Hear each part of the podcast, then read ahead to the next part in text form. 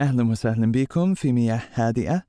مياه هادئة يقدم كلمة للتأمل والصلاة كل يوم.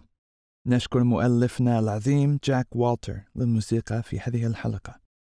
الكلمة لليوم هي نيل.